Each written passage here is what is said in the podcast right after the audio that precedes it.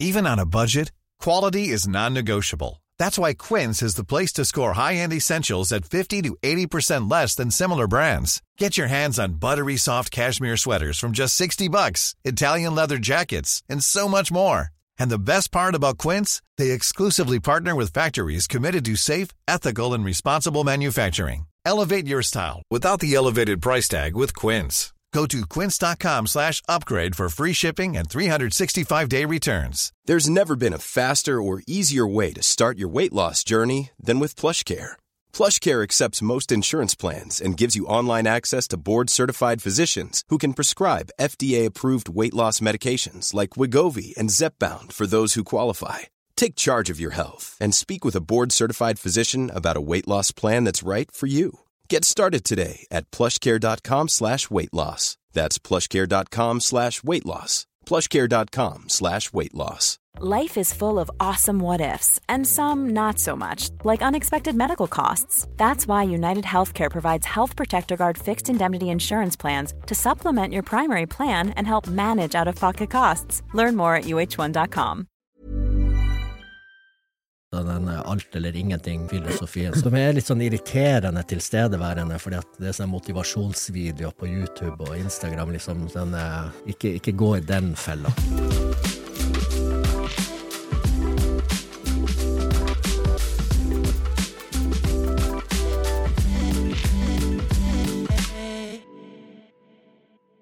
Hei og velkommen til treningsprat. Du hører på meg, Anders Muren. Og så meg, Thomas Brun. Og i dag har hun med en fantastisk kollega fra meg, som jeg henter masse inspirasjon fra når det kommer til styrketreninga mi, og ikke minst eh, masse motivasjon ifra. Eh, Han heter for Ronald Sørensen. Og Han har jobba i sju år i politiet, fire år i Forsvaret, og så var det tolv år i omsorgsbolig. Mm. Eh, Nei, leder for omsorgsbolig. Ja. Ja. Hvor enn da? I Ferder Færder kommune. Ja. Mm. Så veldig kort og godt oppsummert, da, så er det en mann som har veldig masse erfaring bak seg, på mange ulike måter. Men eh, det du brenner aller mest for, det kan jeg jo si er styrketrening. Ja, det har jo blitt det med årene. Ja. De siste årene så har jo fokuset ligget veldig der. Mm. Mm. Så det er jo en stor, eh, stor interesse og en lidenskap og en hobby og alt, og så er jeg så heldig at jeg får jobbe med det på, på fulltid nå. Så. Ja, du, du er jo en eh, kollega som eh, til meg har kommet litt nyere inn i Strongbody. Du Mm. har jo jobba her eh, over et halvt år, i hvert fall. Jeg hadde fersk, ferskingen. Ja. Jeg begynte i mai i, i fjor. Stemmer det. Mm. Ja, det har gått egentlig fort. Det er jo snart ett år, da, faktisk. Ja, faktisk. Mai-juni. Juni. Mm. Ja, jeg husker første gang jeg så det, når vi var i Oslo her og hadde samling. Mm. Og jeg er jo vant til at uh, både Gunnar er en høy og stor mann, og jeg kjenner jo til eh, Lasse Matberg er en høy og stor mann. Og, Mm. og så entrer du rommet, og du er jo enda høyere og større muskulært, da. Ja. Så jeg, det slo meg bare at, vet du hva, Anders? Det er greit at du er gjennomsnittshøyden, men han her er en høy mann, og en sterk mann med høy kapasitet. Så du fikk respekten min med en gang, sånn sett. Ja, men, så jeg- men jeg får jo bare enda mer respekt når du har den ydmyke holdninga til eh, eh, både interessene dine, men også samtidig ydmyke holdningen til livet generelt, da. Så det er veldig inspirerende, synes jeg, da. Ja, men det er hyggelig. Jeg prøver jo å på en måte Jeg liker jo ikke å stikke meg frem på noe som helst vis, Nei. eh, men jeg, jeg svarer når jeg blir spurt, og Ja. jeg har en veldig interesse for, for trening, da, så jeg, jeg elsker jo å diskutere sånne treningsting med andre treningsfolk. Ja. Og jeg har ingen sånne Jeg syns det jeg kommer sikkert tilbake til det, men jeg syns det er mye folk som har sånne, rir sånne kjepphester i treningsindustrien. Ja, Det, det, det, det, må jeg jo få si sjøl, da. Det, har jeg ikke i det hele tatt, og jeg lar meg gjerne overbevise av eh, faglige argumenter. Mm. Jeg har jo til og med blitt kalt for en eh, overflødig, overflødig blogger på sosiale medier. Det er mange år siden nå. Ja.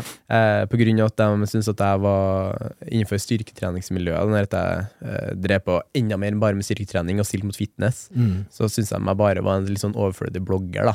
Eh, og det, jeg, jeg tok meg nært av det og da, men i etterkant har jeg jo innsett at uh, Men det var jeg som måtte komme kommet styrka ut av at noen har mista hodet såpass og sagt noe sånt. Mm. Eh, så jeg er jo veldig fornøyd med hvordan ståa for meg per dags dato. Ja. Så jeg tenker man kommer seg bedre ut av det med å kanskje ha en hyggelig tone på ting man fremstiller. Man Men- gjør det. Og men- det, jeg syns det er dumt å ha en sånn der en eh, svart-hvitt holdning til at sånn er det, og ferdig med det. For da maler Ja. du det inn i et hjørne, og så kan du liksom ikke Du kommer deg ingen vei hvis det viser seg at sånn er det ikke, da. Nei, Og ting utvikler seg jo hele tida, og ting vi vet i dag, det var ting vi ikke visste for fem-ti år siden, både når det gjelder eh, trening og mat. Ja. Ting utvikler seg jo hele tida, ikke sant. Ja. Og da er det veldig dumt å, å sitte på en sånn eh, sin høye hest og, og, og påstå ting og si at sånn er det. Så jeg prøver hele tida å si at det er ikke noe som er rett og gærent, men det er kanskje litt mer hensiktsmessig å gjøre det sånn, fordi at i dag antar vi at det kanskje er annerledes, da. Har du noen eksempler på ting som du var veldig sånn fasiten før, som har forandret seg i nyere tid? Ja, én ting er jo for eksempel det her med, med hva som er den største driveren for muskelvekst. For tidligere så jaga man jo bare pump, ikke sant. Man skulle Ja. ha pump. Ja. Pump i muskelen, det var, det var det beste. Og det er jo lite som slår en god bicepspump, men vi vet jo det i dag at, at eh, den største enkeltfaktoren for muskelvekst er jo det vi kaller for mekanisk drag i muskelen. Mm. Eh, Det er én ting. Eh, Øvelsesutvalg. Altså man må ikke trene bøy og mark og benk for å bygge muskler. Man kan gjøre det på, på mange forskjellige måter. For jeg, akkurat du sier det nå, jeg føler veldig mange låser seg litt inn i at de må ha de tre øvelsene der inn i en Ja. treningsplan på en eller annen måte. Mm. Og det her er uavhengig av treningsbakgrunn. Og det, det kan være en nybegynner som kommer inn, Ja, ja. som har bare fått det på en måte På grunn av at det kanskje er de øvelser man ser noen har tatt, eller man har sett bilder av på sosiale medier, eller noe sånt. da. Så jeg pleier å si til folk at hvis du møter en unnskyld, hvis du møter en PT som sier at du skal gjøre en øvelse, f.eks. bøy, så snu deg 180 grader rundt, og så går du derifra. Det er den beste øvelsen. da. Ja, det, da, det er den beste øvelsen. Så, men det er også det med den beste øvelsen, ikke sant. Den beste øvelsen får ditt og datt, men Ja. Og, og det har jeg skjønt etter at jeg ble veldig interessert i det som kanskje er hovedinteressen min. Da. Vi kommer antageligvis tilbake til det, men det her med biomekanikk, ikke sant? læren om krefter på legeme. Så er det ikke alle øvelser som er for alle. Ja, For eksempel sant. knebøy. For meg som er to meter høy og har en og en halv meter lange lår, så er jo knebøy en helt ubrukelig øvelse. ja, ikke sant? Eh, Den må jeg tilpasse ganske mye for at den skal fungere for meg. Hva er det du gjør da istedenfor? Nei, for å trene forside lår, da, så da jeg trener beinpress og hekkskott og hekkskott i smittmaskin og beinspark og utfall, og det er mange måter å belaste forside lår mye mer på enn med en knebøy. Eh, fordi, altså, du kan ta det med en gang, da, fordi at hvis du, hvis du løfter 100 kilo i knebøy, da, så har du 100 kilo på skuldra, men de 100 kiloene er også på korsryggen din. Ja. Eh, også litt avhengig av hvor bra du er i teknikken, da, så er det fint lite som eh, faktisk er på forside lår. Mesteparten er på eh, rumpe og struktur rundt, altså eh, kjernemuskulaturen. Så når du ser noen som løfter knebøy, så er det veldig veldig sjelden at det er rumpe eller forside lår som gir seg først, men det er strukturen rundt eh, eh, kjernemuskulaturen. Så de klapper jo sammen, ikke sant. Men, altså, det syns jeg er veldig interessant, da. For at nå kan jeg komme komme på med en gang med eh, knebøy i forhold til eh, Det er veldig mange løpere som vil unngå å trene knebøy, på Mm. at de frykter at det skal gå utover for mye, at man blir utslitt i lårene. da.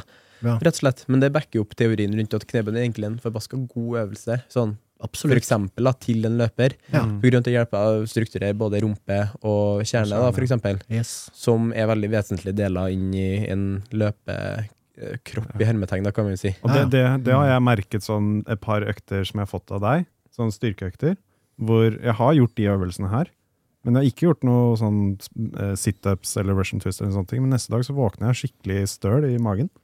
Ja. Antageligvis fordi du bruker mye energi på å stabilisere vekta, Ja. fordi at, fordi at den, eh, den vekta som sagt du har på skuldra, vil du også ha direkte på Mm. korsryggen. Så du må, bare, du må stabilisere den vekta opp. Så veldig mange jeg ser da, eh, de klapper helt sammen. Ja. Og så blir det en slags form for good morning eller til slutt, der du kobler helt ut bein og rumpe. Ja. Men at det blir eh, ryggen da, som gjør jobben. Så. Så for meg, da, som begynner å bli en eh, gammel mann i tillegg, så finnes det mange andre måter å, å belaste forside lår og rumpe på som er mye snillere for resten av kroppen. Da. Mm. Mm, som fører til mer eh, det vi kaller for lokal muskelutmattelse. Altså det er lår som blir sliten, i motsetning til sentral eh, utmattelse, der hele kroppen blir sliten, sånn type eh, knebøy, markløft sliten, ikke sant. Hele kroppen blir gåen. Mm. Mm, så kan du slite ut kun forrige lår, eller kun gluteusen din. Så kan du fortsette å trene. Mm. Ser for meg at det er riktig sånn, Hvis du trener mer etter de prinsippene, er du mer inn mot apparat og sånn, kanskje? Eller er du litt mer Hvordan du tilpasser for deg sjøl, da? Nei, det er egentlig eh, Jeg er veldig glad i å trene med kabler, da. Ja, Eh, kabler. og, og det er fordi, og apparater. Og kabler spesielt fordi at der kan du manipulere eh, bevegelsesbaner og styrkekurve og styrkeprofil og alt mulig sånt da, mm. til å matche styrkeprofilen til muskelen som du skal trene. Ja. Eh, Du kan justere kabelen opp og ned og hit og dit, mens ei stang er ei stang. Tyngdekrafta vil alltid Ja. virke rett ned, Ja. uansett. Så det er, en benkpress er en benkpress, liksom. Mm. Så, men, men ja, eh, em, jeg liker å trene med, med hantler og kabel og maskin. Mm. Mest kabel og maskin, faktisk, for da føler jeg at det er mer eh, eh, stabilt, og jeg kan presse muskelen hardere under tryggere omstendigheter. Da. For Mm. Der må jeg jo si Det begynner å bli noen uker siden, kanskje noen måneder siden, men da overhørte jeg en eh, litt yngre guttegjeng på treningssenteret som eh, sa at nei, vi går bort til dit, på grunn av at der er bare eh, bare for dem som er nybegynnere, da. Bare for å si det litt snilt, da, for, i forhold til mm. de sa. Og det var referert til å trene i apparat. Mm. Eh, fa- faststående apparat, da. Eh, Sjøl har jeg en veldig god erfaring med å trene i apparat, både for å kjenne aktivisering av det du faktisk skal ta, men òg i forhold til da, sikkerhet rundt og Ja. at du her løfter en bane som er er i hvert fall bærekraftig for eh, økninga videre Også, da. Mm, Eh, så den guttegjengen på 14-15 år der skal jeg ikke høre etter. Nei. Nei. De, de, de trenger du ikke å høre på, Anders. Det er. Nei, altså, poenget er, la oss ta en brystpress, da. Ja. Hvis du sitter i en brystpress, så er det liksom bare å, å dytte ryggen imot eh, rygglendet, og så kan du egentlig bare dytte til du ser stjerner, og så kan du bare slutte å dytte og så sette den fra deg. Ja. Men i en benkpress så er du på en måte løpet kjørt når du ikke klarer flere. Så det er mange som stopper altfor tidlig Ja. i settet fordi de er redd for å ikke få opp vekta og dermed går glipp av litt sånn eh, viktige repetisjoner da, på slutten av settet. Mm.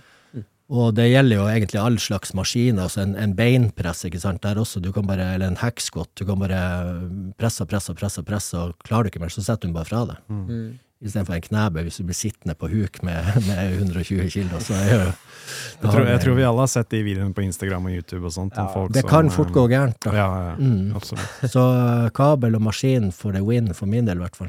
Ja. Safe og, og fint. Jeg syns veldig fint at du sier òg for min del, da, i forhold til at det, det, kanskje det funker best for deg, kanskje det funker best for meg òg, Mm. men at man har en åpenhet der rundt å kanskje prøve seg fram, da. Eh, Hvis man, Absolutt. hvis man per dags dato nå står uten en treningsplan, eller kanskje vil skape en ny treningsplan, Mm. kanskje man skal prøve en, noen øvelser i form av med stang, da. Altså noen øvelser i form hvor du kjører med hantel eller i apparat. Absolutt. Det, det er jo viktig å presisere at det, det er jo ikke feil eller dårlig å trene med stang og hantler, men, men det, det går litt som du sier på personlige preferanser, da. Hva du føler. Det er jo mange som liker å presse tunge hantler og får et kick ut av det. Mm. Eh, og det fungerer som bare fy, det, men for meg, og for mange andre, så er det veldig gunstig å trene med, med under litt safere forhold når du skal presse det hardt nok. Da. Men for all del, det, er jo ingenting som jeg var inne på her i sted, det er ikke feil eller rett og feil.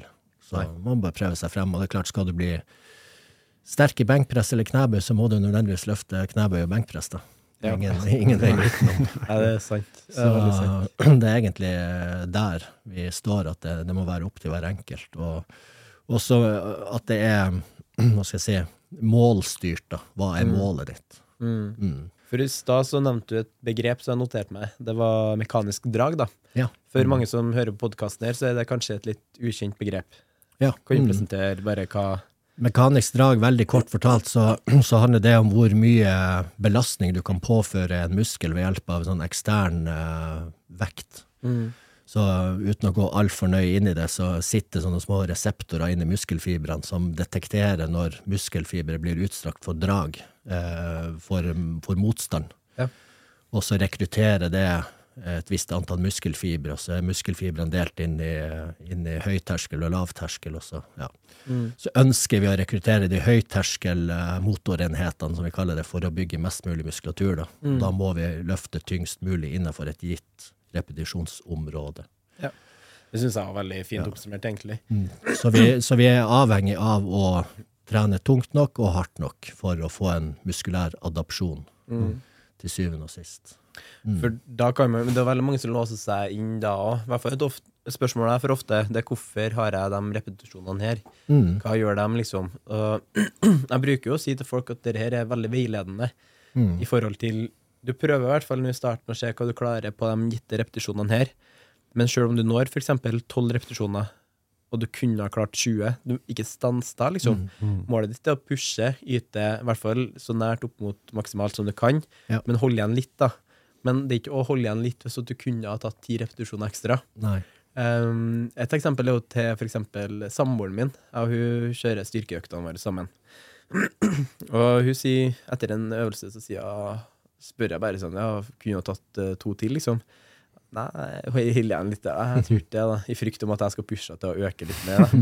Men så sier jeg sånn at Men jeg så på siste repetisjonen din. Du brukte jo egentlig like mye tid da på å komme deg opp som du gjorde på de første tre repetisjonene. Det, den hastigheten du brukte på den repetisjonen der, var ikke noe forskjell link de andre. Da. Det tyder på at du egentlig kunne ha pusha litt til. Ja. Og øh, hun sier jo sånn Nei, men jeg pusha maks, da. Liksom, står på sittet. Og sånn. Da, jeg må jo bare gi meg, for uh, man kan ikke uh, Du kan ikke dra den altfor langt. Nei. Du kan ha det litt i bakhodet senere, da. Men det stemmer jo litt, det. At man kan gå etter en slik hva, hva kan jeg si, Hvis man skal kjenne litt på sjøl hvor sin rep range er, eller om man yter faktisk maks, kan man da, da Man kan jo føle på det i forhold til tid man bruker på den siste bicepskålen, sammenligna med starten. da. Ja. Det, det du sier her, er jo helt rett, og det, det er jo det jeg ser etter hos mine kunder òg, både, både i strongbody og, og sånn fitnessrelatert, og det er jo hvor lang tid man bruker på den eh, konsentriske fasen, som det heter. Ja. Eh, altså, man, man ønsker et merkbart eh, hastighetsfall. Mm. Så når kundene mine i strongbody sender inn video, så sitter jeg jo og timer repetisjonene Ja. deres. Sitter med sånn stoppeklokke. Nei, altså, det, det er jo sånne sekunder Ja, ja. nede på den tidslinja. Ja. Og hvis jeg ser at eh, den siste rappen tar eh, like lang tid som den første, så får de jo påpakning på det at her, her har du mange flere igjen, og så Mm. begrunner jeg det med nettopp det du sier nå, at det er ikke noe hastighetsfall her, ikke sant. Og da catcher de fleste det ganske kjapt, da. Jeg har brukt det med hastighetsfall lenge til folk, jeg òg nå. Og jeg husker at jeg, det var første gang jeg hørte om det, det var kanskje tre år siden fra Jeff Nippard Ja. fra YouTube. Ja, han er flink. Og da, ja, han er kjempeflink. Og da ble jeg veldig sånn Men det gir jo så mye mening, Ja, ja. egentlig. Derfor at når du yter Det er jo litt det samme som en intervall, da. Hvis at du, du får jo litt høyere puls og yter jo mer. Så du kan sammenligne litt med, men samtidig så handler det litt om det å kjenne at du faktisk I forhold til hvordan muskelen tar imot treninga, at den Ja. slites, da.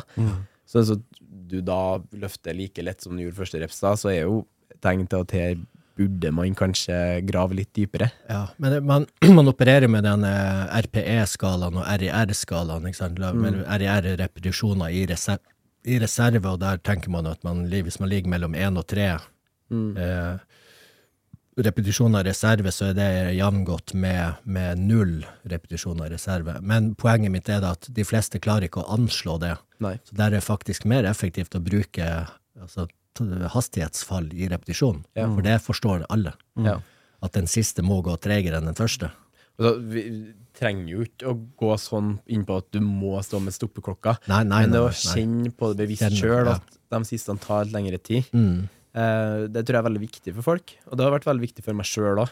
Ja. For at jeg de siste årene, etter at jeg virkelig satsa triatlon og gått videre med det, så har jeg kjent at jeg kunne ha slekka veldig på styrketreninga. Mm. Og eh, etter jeg begynte på treningsplanen fra deg eh, på Ja. nyåret her, Mm. så har jeg virkelig tatt det til meg å yte opp mot maks. Ja. Og jeg har fått veldig mye gevinst igjen i det, i hvert fall på beinøvelsene, i knebøy og sånn, Ja. til sykkelen, da, i forhold Mm. til å yte enda mer på sykkel. Ja.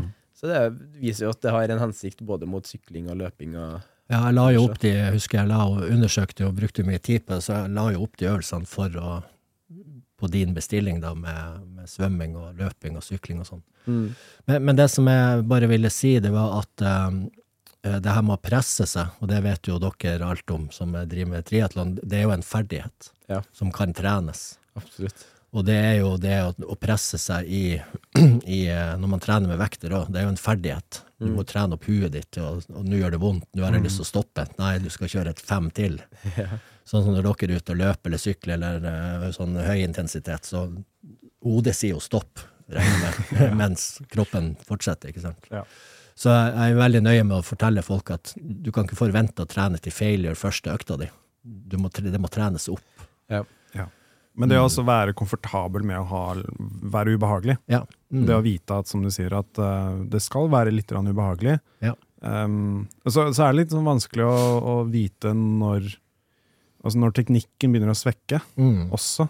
Og det kan man jo se også på, på noen at, på knebøy spesielt, at nå er ikke teknikken på reppen der i det hele tatt. Nei, Og da er du så å si ferdig. absolutt. Du burde liksom stoppe litt før det også. Det er et godt poeng. For når, eh, hvis teknikken svikter for mye, så er det jo da ofte kanskje en skade Ja.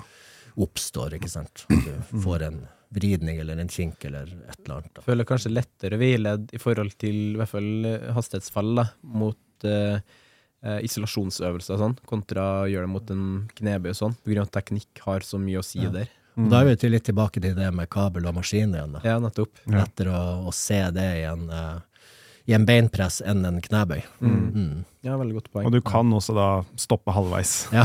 i en maskin. At Ikke liksom, minst. Ja, Mm. du prøver å gjøre en siste, og den går akkurat ikke. Ja. Da er, da er det greit. Da er du Mm. på en måte ferdig. Så det, det er et godt poeng. Mm. Enn er du nå styrkemessig, da? Hvordan, eh, hvordan ser ei uke ut for deg treningsmessig? Du, eh, jeg trener tre dager etter hverandre. Da har jeg eh, sånn eh, dytt og dra og beinøkt. Mm. Ja. Ja. Ikke push og pull. Du tar det på norsk. Oversett det til norsk. Dytt og dra og, og bein. Eh, så har jeg ei, en A-rotasjon og en B-rotasjon.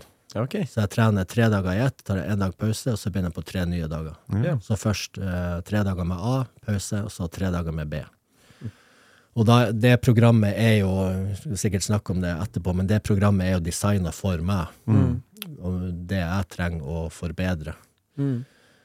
Så, Og da spør jeg bare med en gang, da. Forbedre mot ja, nei, jeg skal jo Jeg har jo bestemt meg for å, å stille i en sånn eh, konkurranse, sånn fitness-kroppsbyggerkonkurranse i, i Norge i april. Mm. Ja. To stykker sånn til første omgang. mm. eh, Sandefjord og Lillestrøm. Ja, ok, kult. Og da er det jo noen sånne objektive kriterier som uh, i den klassen jeg skal stille i, da, som heter classic fysikk. Mm. Og da er det jo om å gjøre å fylle ut de kriteriene best mulig, da. Mm. Så det programmet er Jeg har jo også en coach, da. Det er lurt å ha en coach. Ja, men det er vanskelig å trene seg sjøl. Ja, Det- det, går til et visst punkt, da, og så begrenser det seg veldig. Ja.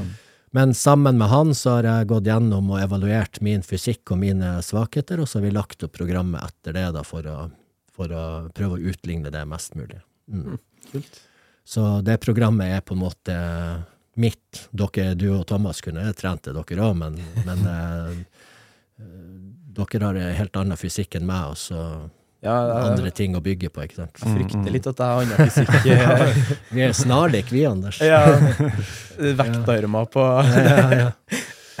Nei, så, så det, det syns jeg er gøy å, å jobbe med en, eh, en god coach, og som ser ting som kanskje ikke jeg ser, da, for man blir jo fort veldig blind på seg sjøl.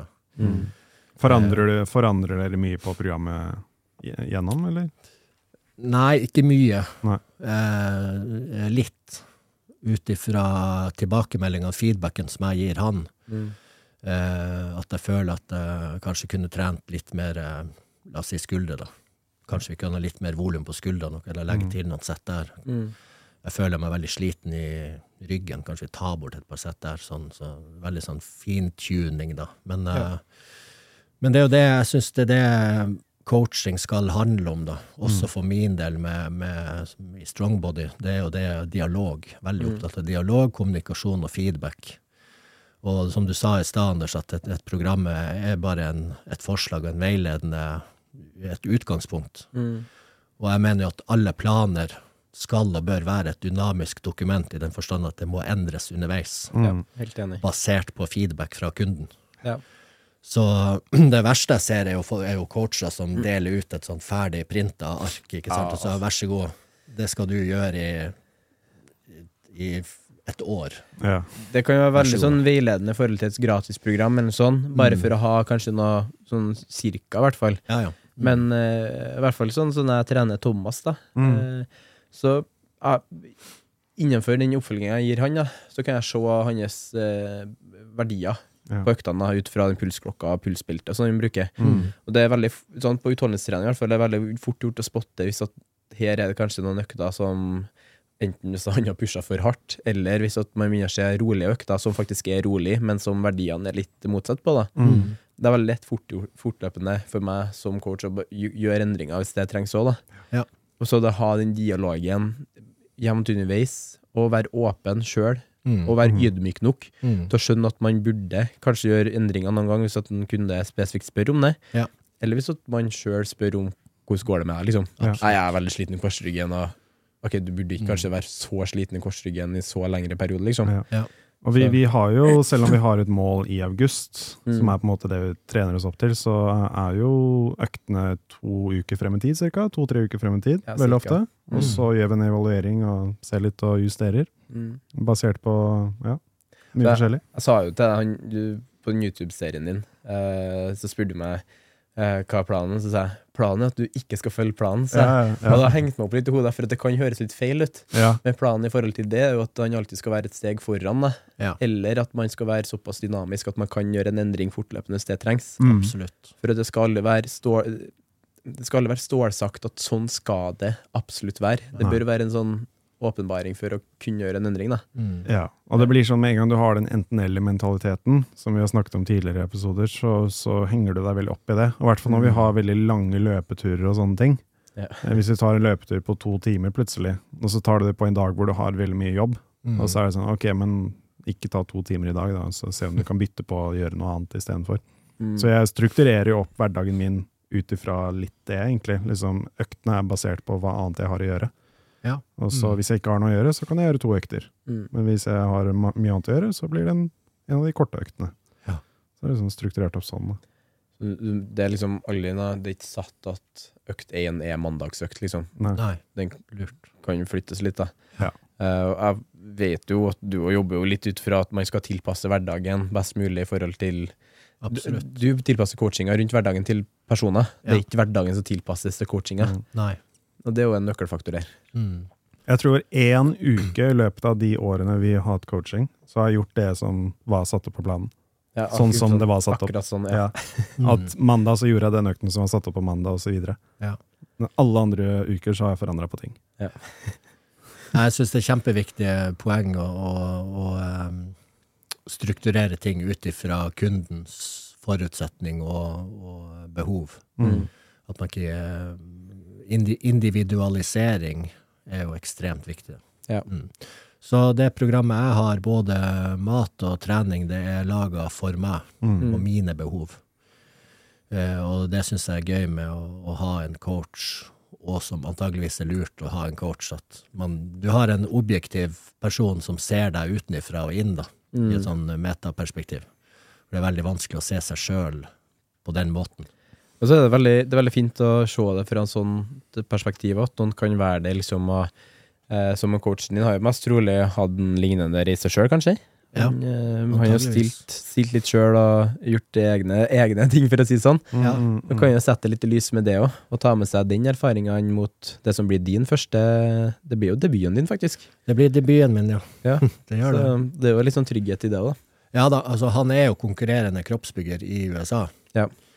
Eh, så han, eh, han har jo kontroll på ting, han. Men, eh, men ja, jeg, jeg suger til meg mest mulig læring og, og syns det er kjempegøy.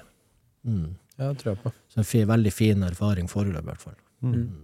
Hvis, jeg nå, hvis det er en lytter her som sitter og lytter og så tenker at «Å, jeg skulle ønske jeg kunne ha lagt opp et treningsprogram til meg sjøl, Mm.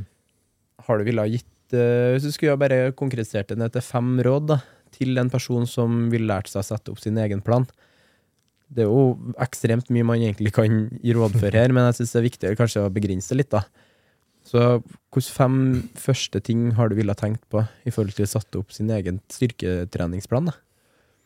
For, det første ville jeg jo, ville jeg jo valgt øvelser som eh, man liker sjøl. Mm. Jeg syns det er eh, lite hensiktsmessig å velge. Hvis du, hvis du hater knebøy, så, og du setter opp knebøy til deg sjøl, så er det sånn Hvor stor er sjansen for at du, for at du er det bærekraftig over tid?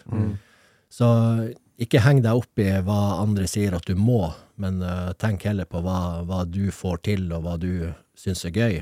Hvis det er gøy, så er det antageligvis mer bærekraftig og gir bedre resultater. Ikke prøv å tilpasse individet til en øvelse, men tilpasse øvelsen til individet. Altså tilstrebe og Det er jo det litt tilbake til myomekanikken, at man tilpasser mm, for eksempel knebøy til forskjellige individer, da. Eh, eller en benkpress, eller hva som helst. Eh, så ikke prøv å skvise deg inn i en maskin eller en øvelse som du syns er ubehagelig. Ja. Da kommer det fort til noen skader. Jeg er jo veldig glad i stabilitet i øvelsene. Veldig øvelser som er stabile, eh, som gir mye motstand på den muskelen du ønsker å trene. Eh, at det er den muskelen, for eksempel hvis du skal gjøre en bicepskøl, så er det bicepsen din som er den begrensende faktoren, og ikke kjernemuskulaturen og, og resten, ikke sant?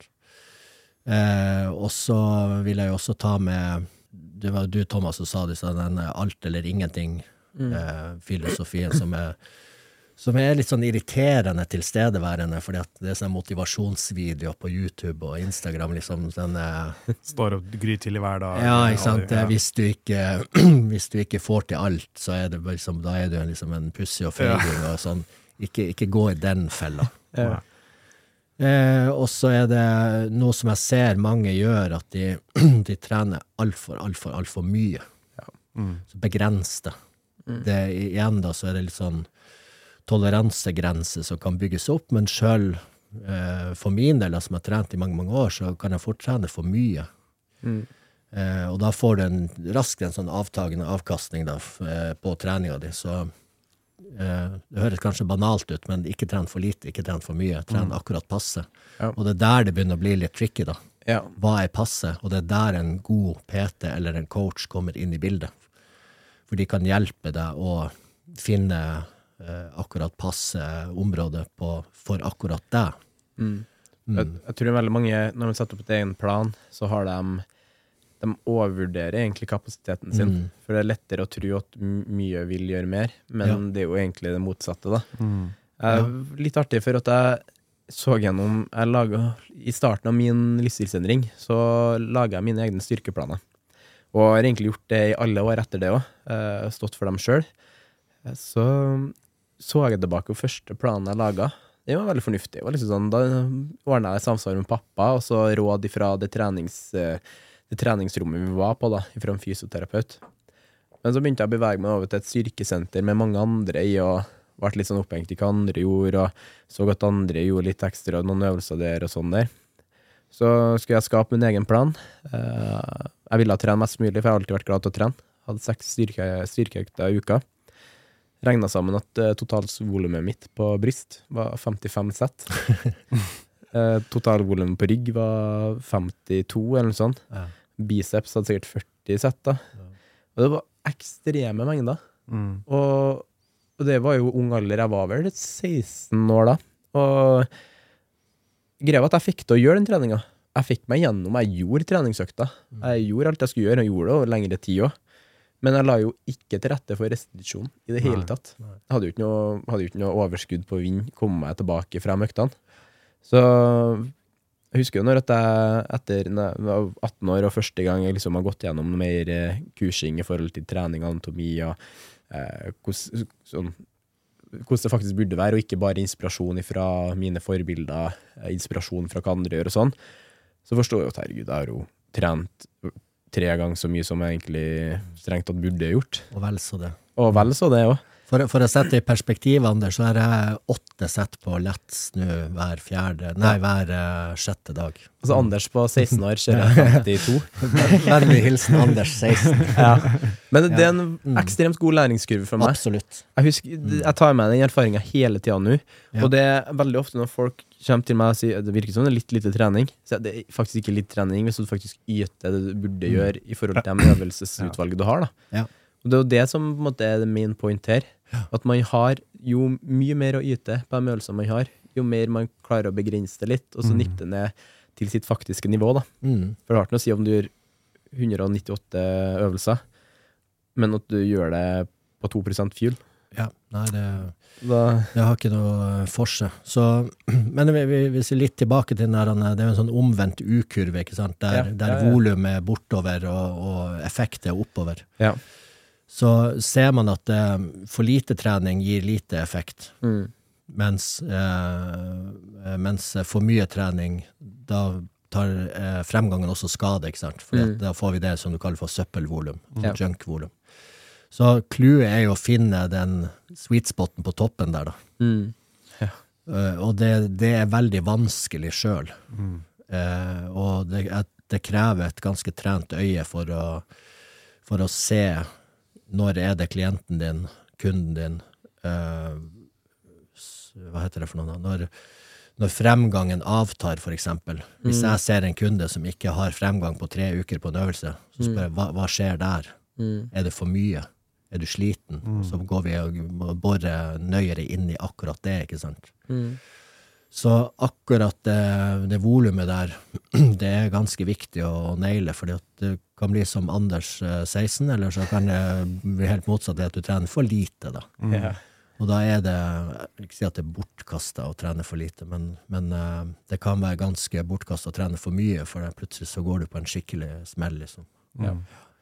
Man vet jo alt det med Jeg mener, jeg- sånn forskning også viser det skal veldig mye til for å faktisk bli overtrent. Mm. Men det å få tegn av overtrening, det tror jeg alle kan føle litt på. da Og det, Man Ja. kan kjenne det på det.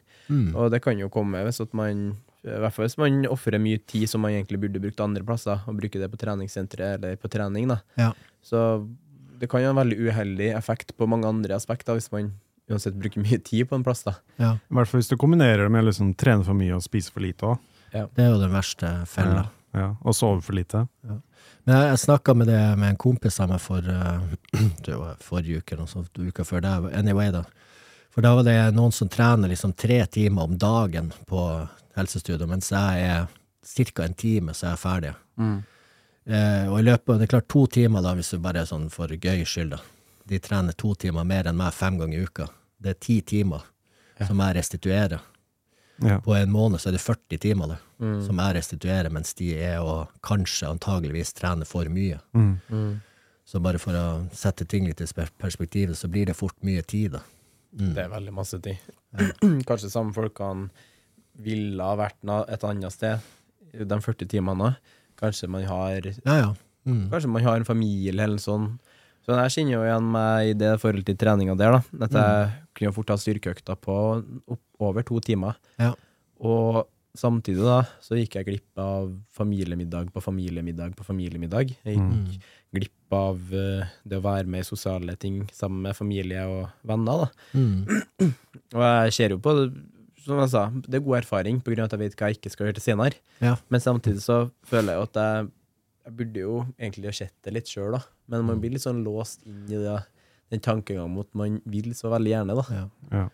Det er jo ofte, det er kanskje naturlig å tenke at jo mer jeg kan trene, jo bedre er det. Ja. Men det er så mange sånn fysiologiske faktorer her da, som spiller inn. Mm. Eh, og mange andre faktorer også, selvfølgelig. Som, så det, du sa det jo så vidt i stad, at nesten, det er nesten sånn at jo mindre, jo bedre. Ja. For da kan du restituere mer, ikke sant? Men til et visst punkt.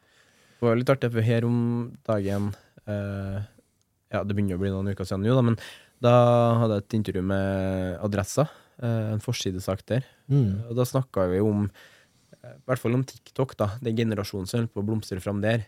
På grunn av, det er jo ikke noe tvil om at det som selger mest der, og får mest oppmerksomhet og views og folk ser på, det er jo ting som er I hvert fall for oss som jeg liker å kalle for treningsvitere, da. Så vi, vi er utdanna, vi, vi har lært masse, både fra erfaring, men også fra forskning.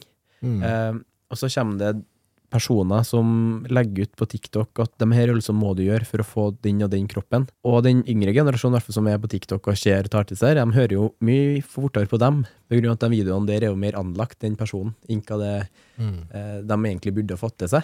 Mm.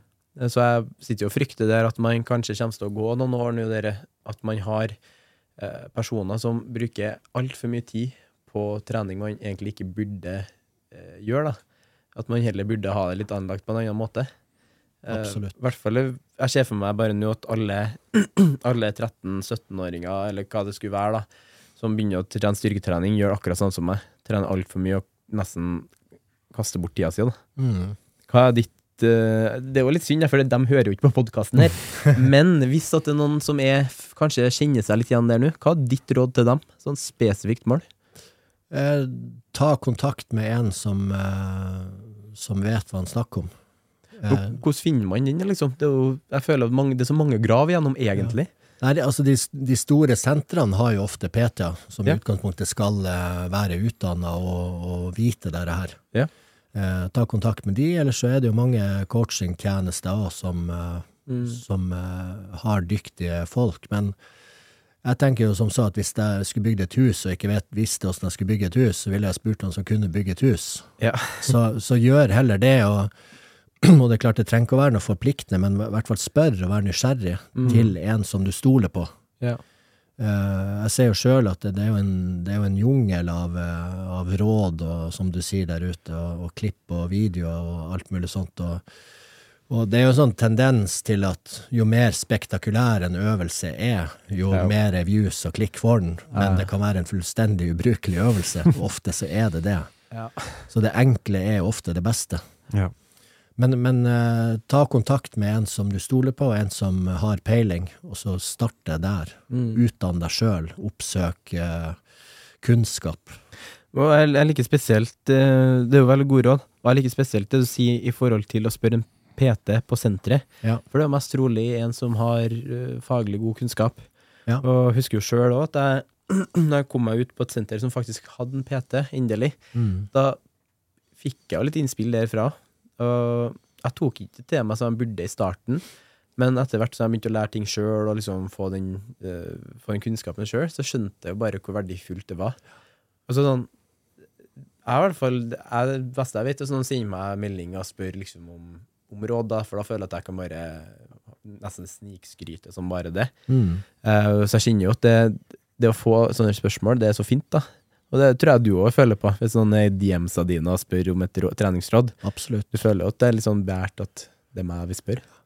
Men jeg ser jo også den tendensen du snakker om her, da, fordi at jeg, på, jeg trener litt på forskjellige gym, Ja. og et, et fellestrekk er jo spesifikt unge gutter, Mm. 15 til 18-19 år, som snakker om ting som om de skulle vært profesjonelle kroppsbyggere i 20 år. Ja.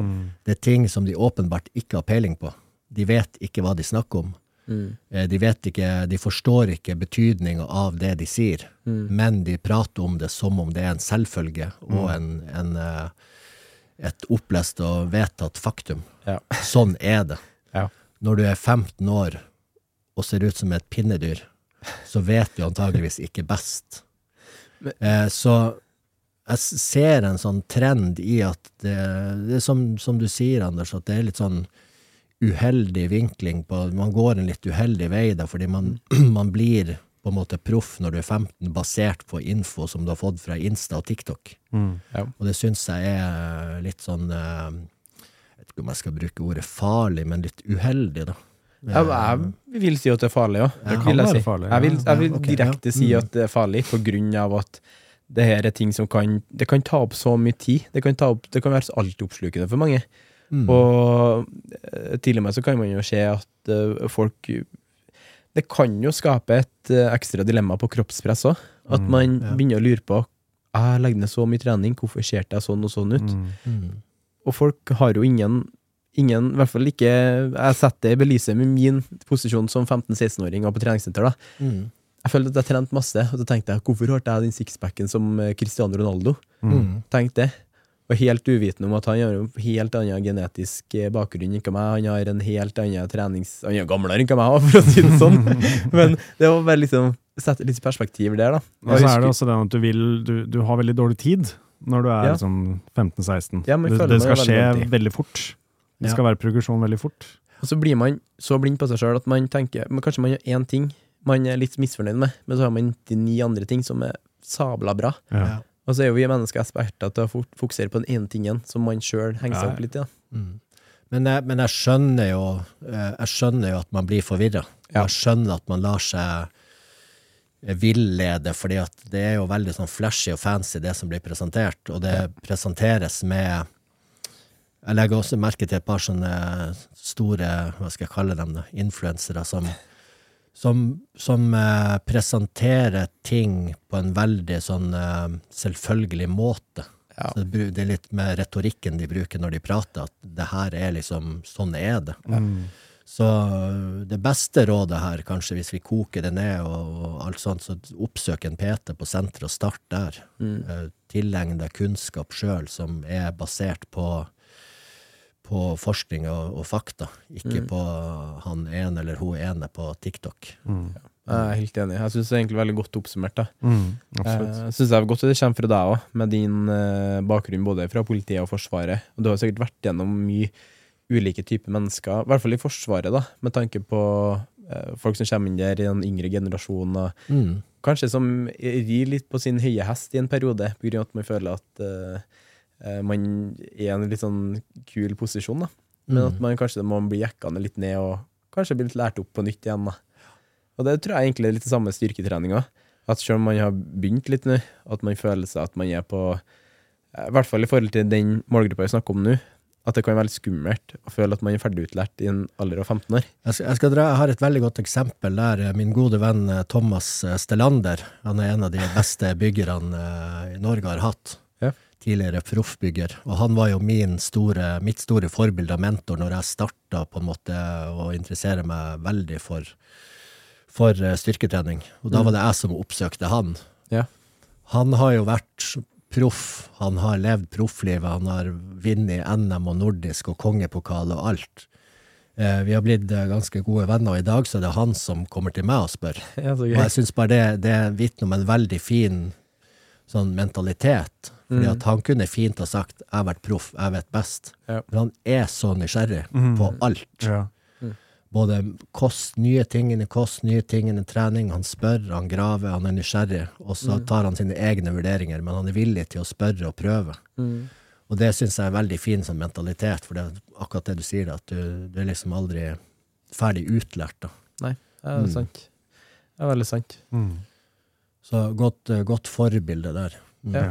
Ja, men det, det, jeg føler at han når ut til et godt forbilde òg, da.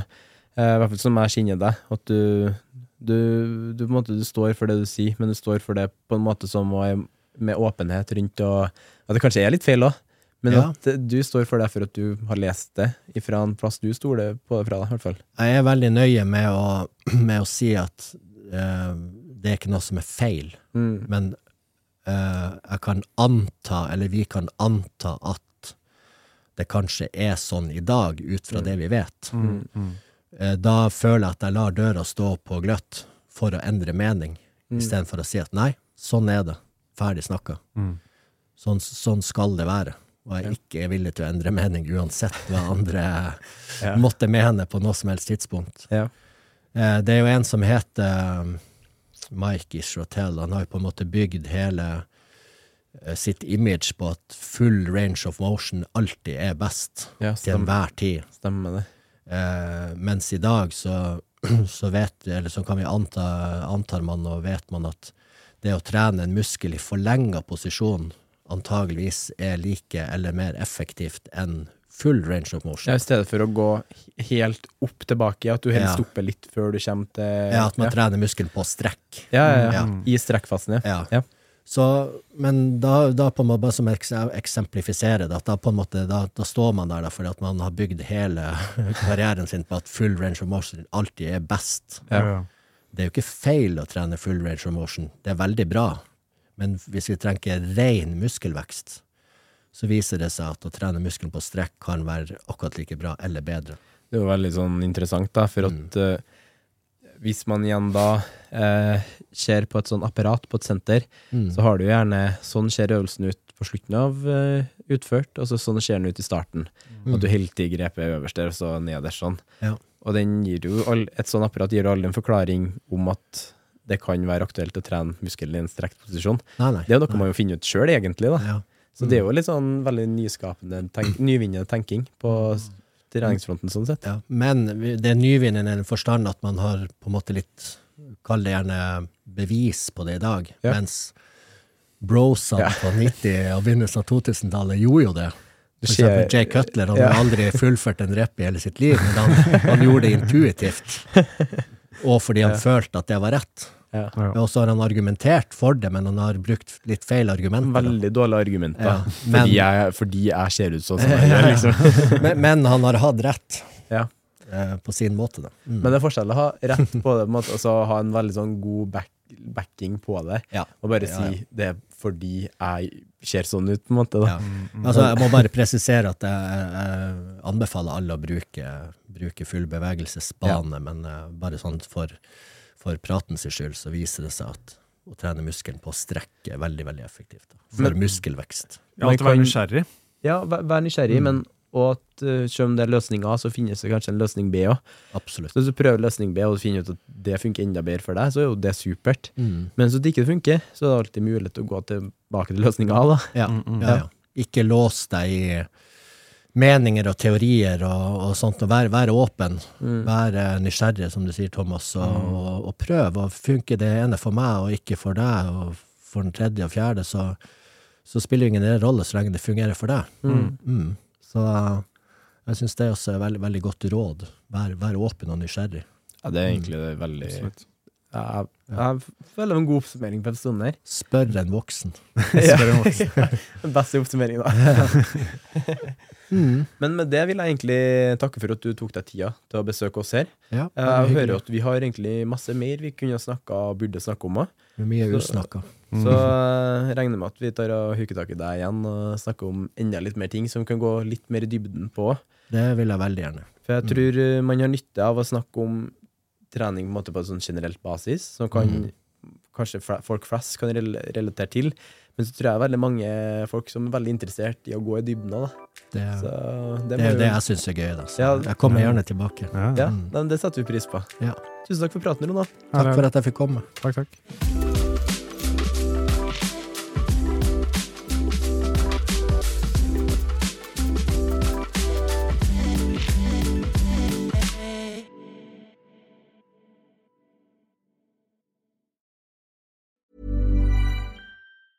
Even when we're on a budget, we still deserve nice things. Quince is a place to scoop up stunning high-end goods for 50 to 80% less than similar brands. They have buttery soft cashmere sweaters starting at $50, luxurious Italian leather bags, and so much more. Plus, Quince only works with factories that use safe, ethical, and responsible manufacturing. Get the high-end goods you'll love without the high price tag with Quince. Go to quince.com slash style for free shipping and 365-day returns. Mom deserves the best, and there's no better place to shop for Mother's Day than Whole Foods Market. They're your destination for unbeatable savings, from premium gifts to show-stopping flowers and irresistible desserts. Start by saving 33% with Prime on all body care and candles. Then get a 15-stem bunch of tulips for just $9.99 each with Prime. Round out Mom's menu with festive rosé, irresistible berry chantilly cake, and more special treats. Come celebrate Mother's Day at Whole Foods Market. Imagine the softest sheets you've ever felt. Now imagine them getting even softer over time. That's what you'll feel with Bowl and Branch's organic cotton sheets. In a recent customer survey, 96% replied that Bowl and Branch sheets get softer with every wash. Start getting your best night's sleep in these sheets that get softer and softer for years to come. Try their sheets with a 30-night guarantee. Plus, get 15% off your first order at bowlandbranch.com. Code BUTTERY. Exclusions apply. See site for details.